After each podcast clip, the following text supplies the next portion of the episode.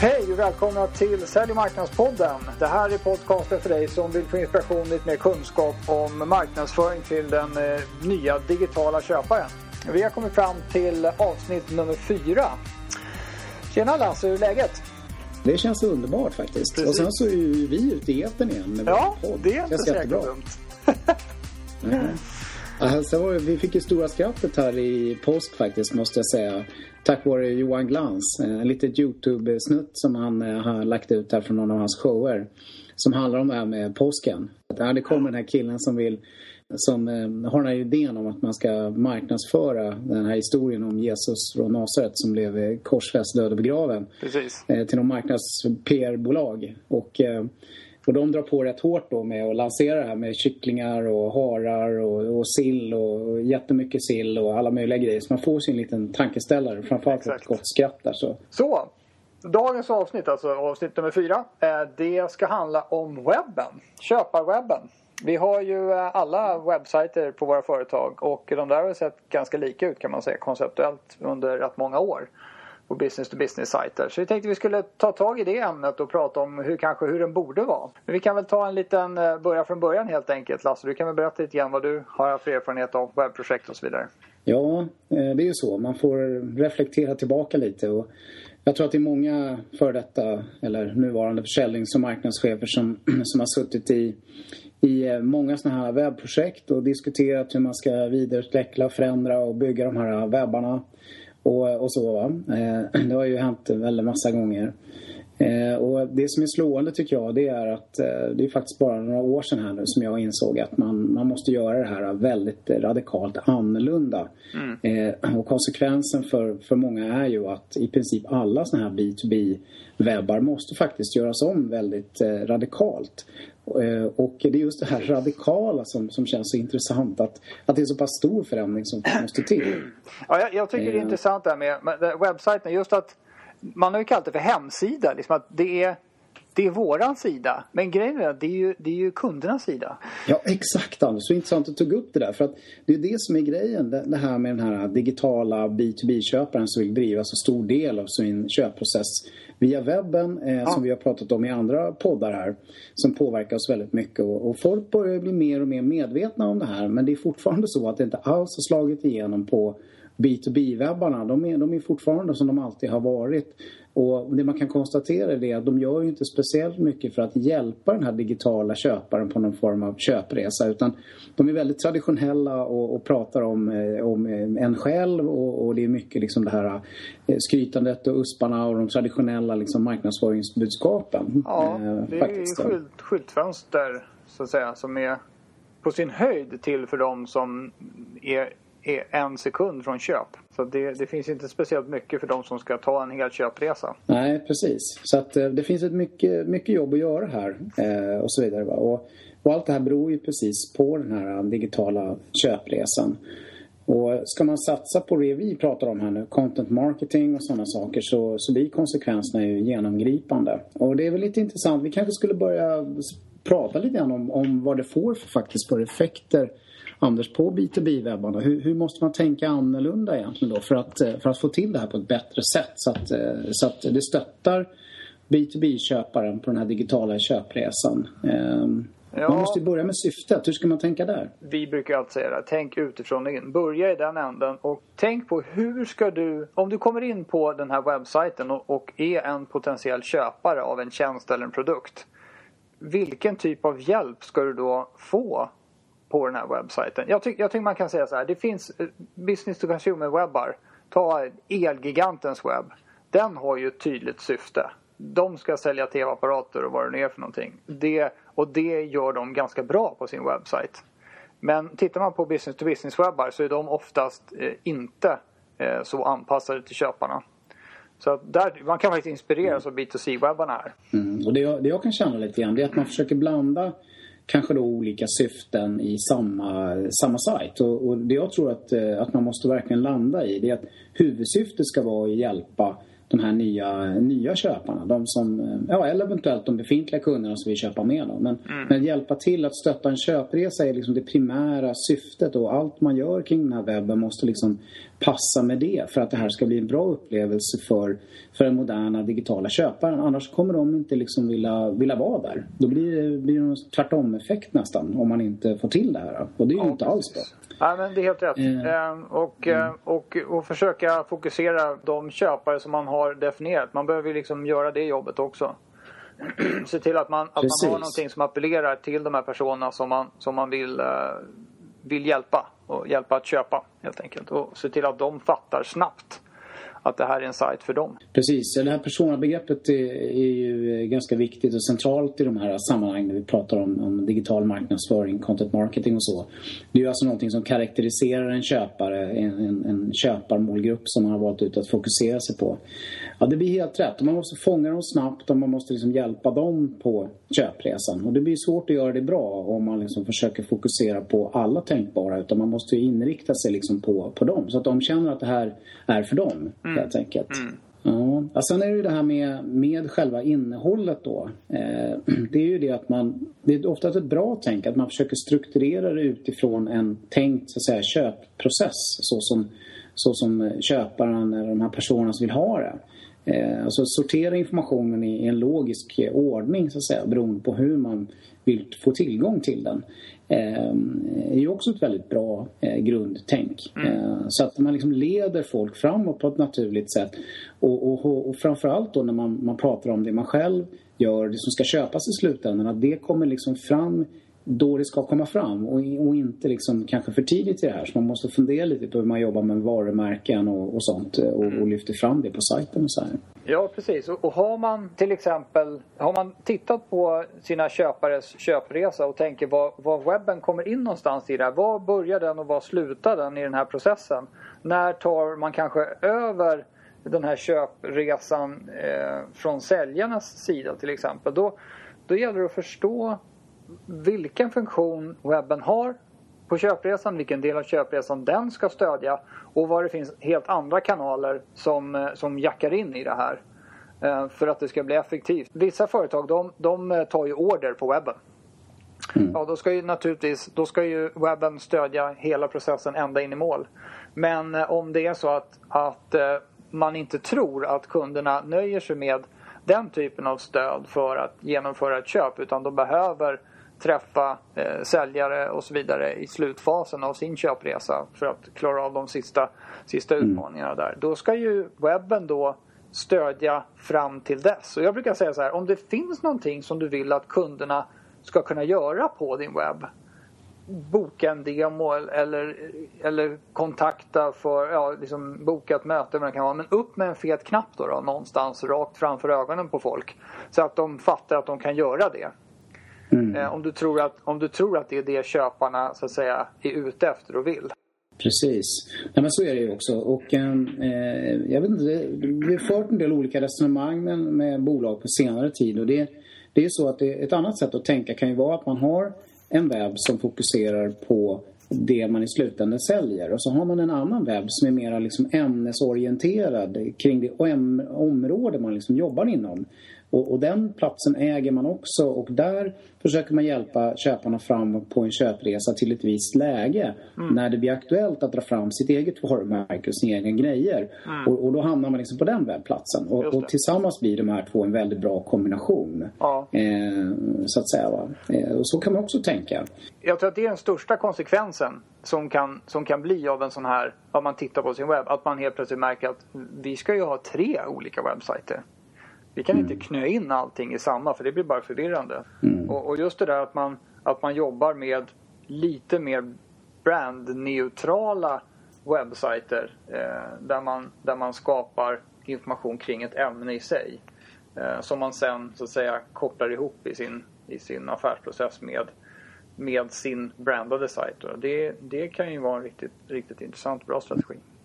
Nej, och någonting tror jag då, som är väldigt viktigt att tänka på som, är, som man märker också tydligt när man, eh, när man pratar med moderna B2B-köpare hur de vill ha det. Det är att när de väl blir sugna på att förstå vad själva lösningen går ut på då gäller det att kunna beskriva det väldigt, väldigt snabbt, enkelt, pedagogiskt och effektivt. Och det är ju en utmaning i många B2B-sammanhang där det kan vara ganska komplexa saker som faktiskt i slutändan ska köpas. Mm. Man måste kunna jobba med liksom pedagogiska bilder, pedagogiska filmer. Eh, det har ju blivit rätt populärt ibland med såna här tecknade filmer som snabbt förklarar vad egentligen vi gör. Mm. Eh, och, och, sånt. Så att, så att det liksom bara är pang på när, när man väl blir liksom nyfiken och vill reda, ha reda på vad du som leverantör faktiskt eh, gör. Eh, då går det inte med långrandiga texter och liksom den typen av grejer utan då måste det vara snabbt och pedagogiskt och så. Och sen är det faktiskt roligt just det här med att man kan, man kan spendera en, en kvart på en webbsite på ett business-to-business-företag och fortfarande inte fattar vad de gör. Men sen tycker jag den här mobila trenden är ju otroligt intressant där eh, människor konsumerar väldigt mycket information på olika sätt liksom, i sina mobila, mobila enheter. Och, mm. och, och, så ska de då, landar de ju då på din, på din webb och, och då måste man ju ha den här mobila anpassningen väldigt effektivt. Och det, det börjar ju folk skaffa sig så smått men, men det finns fortfarande väldigt, väldigt många som inte har en webbplats som hanterar det här med mobilen på ett vettigt sätt. Och det blir bara no-no. Vi kan ju titta bara på vår egen webb. Vi har en 30-40 procent av våra besökare eh, besöker våran, eh, våran sajt liksom baserat på på mobila devices eller från mobila devices på olika sätt. Och där tycker jag smartphones verkar ha, ha ju klart en över, överrepresentation jämte till exempel eh, plattor och sådana här grejer. Mm. Eh, där det fortfarande inte är så mycket tycker jag. Nej. Det är intressant att säga 30-40 procent och så vidare, sådana här siffror. Någonting som är, är himla viktigt det är ju att man kopplar, i, kopplar på Google Analytics för att vara konkret. Så att man kan mäta saker på sin sajt. Och grejen är den att har man en väl strukturerad sajt som, som stödjer en köpresa då blir de där siffrorna i Google Analytics lite mer värda. Annars så brukar det vara så att nu har vi Google Analytics så går man in och tittar, ja 493. Eh, jaha ja, eh, 493, ja det är 3% fler än förra månaden. Ja, är det bra? Men om du ser hur, eh, hur besökarna fokuserar på olika delar av din sajt eh, då får du där, den där statistiken ett mycket större värde. Då kan du liksom göra någonting med den. Och sen måste jag liksom nämna det också i sammanhanget här att det, det skulle jag säga det är kritiskt att man också har ett marketing automation system bakom som eh, eh, faktiskt håller reda på vilka individer som ju var på sajten för att kunna hjälpa och serva dem med, med ytterligare information. Ja visst, men man kan väl sammanfatta det också lite grann som så att, eh, att väldigt mycket handlar om att skapa, skapa förtroende, om att hjälpa köpare på en köpresa. Bara kort här, utan att ha en massa, en massa principer för sajten i sig. Utan jag brukar, brukar säga till folk att titta på er sajt, tänk på den som en app som är till för era kunder att köpa saker. Och så tittar ni på en sajt och ser hur väl stödjer den här appen köparnas eh, resa och hur de, hur de vill konsumera information och vad de vill ha för funktioner på vägen för att känna sig trygga i sitt slutgiltiga köp då eller för att kanske boka det där mötet med era säljare. Det tycker jag, det tycker jag är jättebra för att eh, det blir konkret. Det, det, är ju egentligen en... Det är ju, webben är ju en programvara som ska ha en funktion. Och eh, det duger inte att det bara är ett skyltfönster där man står och, och liksom skryter om sig själv. Jag vet inte, vi, kan, vi kanske ska tipsa våra lyssnare lite grann om, om någon form av exempel. Eh, River ja. Pools and Spa. Gå in och titta på dem, kan du se hur de har gjort. Berätta snabbt bara, vad är det som gör den bra? Ja, alltså för det första har ju de gjort ett... Eh, eh, hela fokuset går ut på egentligen att, att hjälpa en, en person som är intresserad av att eh, bygga en eh, pool med exakt allt man behöver tänka på och alla saker och, som man eh, behöver lösa för att det här ska bli verklighet. Mm. Eh, så det finns liksom alla svar som en, en, en som inte ser biopooler har. De har paketerat på ett väldigt snyggt sätt i form av, av guider och i form av deras blogg och, och så vidare. sen har ju de också gjort det här att de har lyft fram sina kunder direkt på webben så man, man själv kan se var någonstans finns det eh, människor som har byggt sådana här pooler. Eh, och bara genom att se det på den här kartan på första sidan så förstår man vart man ska åka för att se hur andra har löst det här på ett vettigt sätt. Eh, så att det kan skapa en förståelse för en själv om, om hur man själv skulle kunna göra. Ja. Nej, de, har, de är verkligen passionerade kring det här och, och har jobbat med det här och har många bra sådana här exempel på liksom hur hur de hjälper köparen på den här ja. ganska komplexa köpresan det ändå handlar om. Eh, om man ska ge sig in på att köpa en, en inbyggd pool. Det är ju en stor investering också för en, eh, för en familj eller, eh, och så. så att, Ja, och de som eventuellt surfar iväg, de som eventuellt surfar iväg till den där, de, de kommer ju märka att den är inte bra för att den är jätteflashig och att det far omkring massa grejer och att man har schyssta animeringar och sådana saker. Utan det är verkligen, det bygger på en, en sann vilja att hjälpa köparna på alla sätt man kan. De har ju principen att de, varenda fråga de får i säljprocessen eh, eller från kunder som redan har köpt eh, lägger de ut svaret på, på, på sajten. Så de liksom verkligen trycker ut all kunskap de har på sin sajt vilket gör att den är extremt användbar helt enkelt. Så den klarar ju testet apptestet. Mm. Men du Anders, hur ska man se på det här nu då? Eh, Eh, menar, det är ju många företag som investerar i att, eh, att lägga ut information på, på andra typer av sajter. Facebook, eh, LinkedIn och så vidare. Det finns en stor attraktionskraft i, i det här med att att vara där köparna finns. Och de kanske, för vissa finns de på Facebook och på andra finns de på Google Plus och de kan finnas på LinkedIn och, och sådär. Va? Eh, och eh, då, eh, de här platserna, de vill ju att man har allt sitt content där naturligtvis. Det tjänar ju de på. Att man inte har någon annanstans utan alla, alla besökare och köpare som ett företag i kontakt med liksom, måste gå till Facebook-sidan. Det är ju jättebra. För Facebook skulle jag säga. För de har en affärsmodell som handlar om att eh, sälja annonser. De har ju till och med själva sagt att det är ingen social plattform det här. Det här är en annonsplattform. Det är det det är. Så att sen de varit börsintroducerade så har de ändrat fokus kan man ju säga. Och rent konkret kan ju vi marknadsförare se det på, på deras eh, algoritmer kring, kring eh, EdgeRank har ju gjort att man når ju knappt några av sina följare längre Eh, på, på Facebook. Man har skrapat ihop en massa följare till sin företagssida och sen när man postar någonting där så, nås, så når det kanske 6 av, av eh, de följarna som man har där. Ehm, och om de ska nå fler så måste man köpa ehm, då promotade eh, inlägg från, från Facebook och betala pengar för det.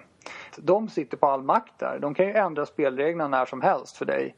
Det är det som är den man verkligen måste tänka på när man, när man mm. lägger sin digitala strategi. Och jag skulle säga så här att det är ju mycket, mycket bättre att ha en digital hemmahamn som man har full kontroll över. Du har en domän som du äger, du har en sajt som du äger och du har content på den sajten som du äger. Eh, och det styr du över själv. Sen mm, tycker jag man ska använda de andra, de andra plattformarna som Facebook och LinkedIn och vad det nu kan vara som är, som är relevant. Där det finns köpare. Att att marknadsföra sitt content på. Men man ska hela tiden se till att försöka generera trafik till sin egen sajt. För där har man liksom kontroll. Uh, Exakt, annars... för det är ju så att kan du skapa följare som följer dig kopplat till din egen eh, webb, din egen hemmahamn så att säga, så får ju det ett väldigt strategiskt viktigt långsiktigt värde på ett helt annat sätt än vad det gör om de följer dig på andra sätt via sociala kanaler och sådär.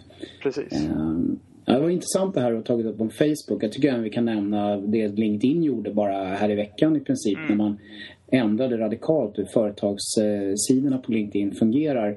Eh, där man la ner den gamla tekniken egentligen med, med, med eh, produkter och tjänster och så och skapade ja. ett helt nytt koncept som man kallar för showcases. Exakt. Från ena dagen till den andra. Eh, ja. Och det får ju rätt stora konsekvenser för, för de som har och utnyttjar de här eh, företagssidorna på LinkedIn. Ja. Nu känns det de... som att showcases kan vara ett steg i rätt riktning kan jag tycka men, men ändå. Det var en väldigt radikal förändring som stor påverkan såklart. Som man jag, inte jag, tror att, uh, jag tror att de här produktsidorna som de hade där, de var ju alldeles för statiska så det var nog ingen som var inne på dem. Det var ju som en värsta exempel på en gammal jättetrist uh, hemsida. Så att då skapar de mm. showcases istället som är lite mer dynamiskt då. Men uh, jag tror fortfarande, jag tycker att man ska, man ska utforska det här med showcases och se hur man kan använda det. Men som sagt, se till att länka iväg det till till det riktiga tunga contentet som ligger på, på din egen sajt. Det finns en annan eh, liten, jag vet inte om det är en trend än så länge, men det finns eh, vissa större bloggar. De stänger av kommentarfunktionaliteten på sina bloggar och eh, kallar sina inlägg för artiklar istället. Mer som att de blir tidningar. Och så postar de artiklar.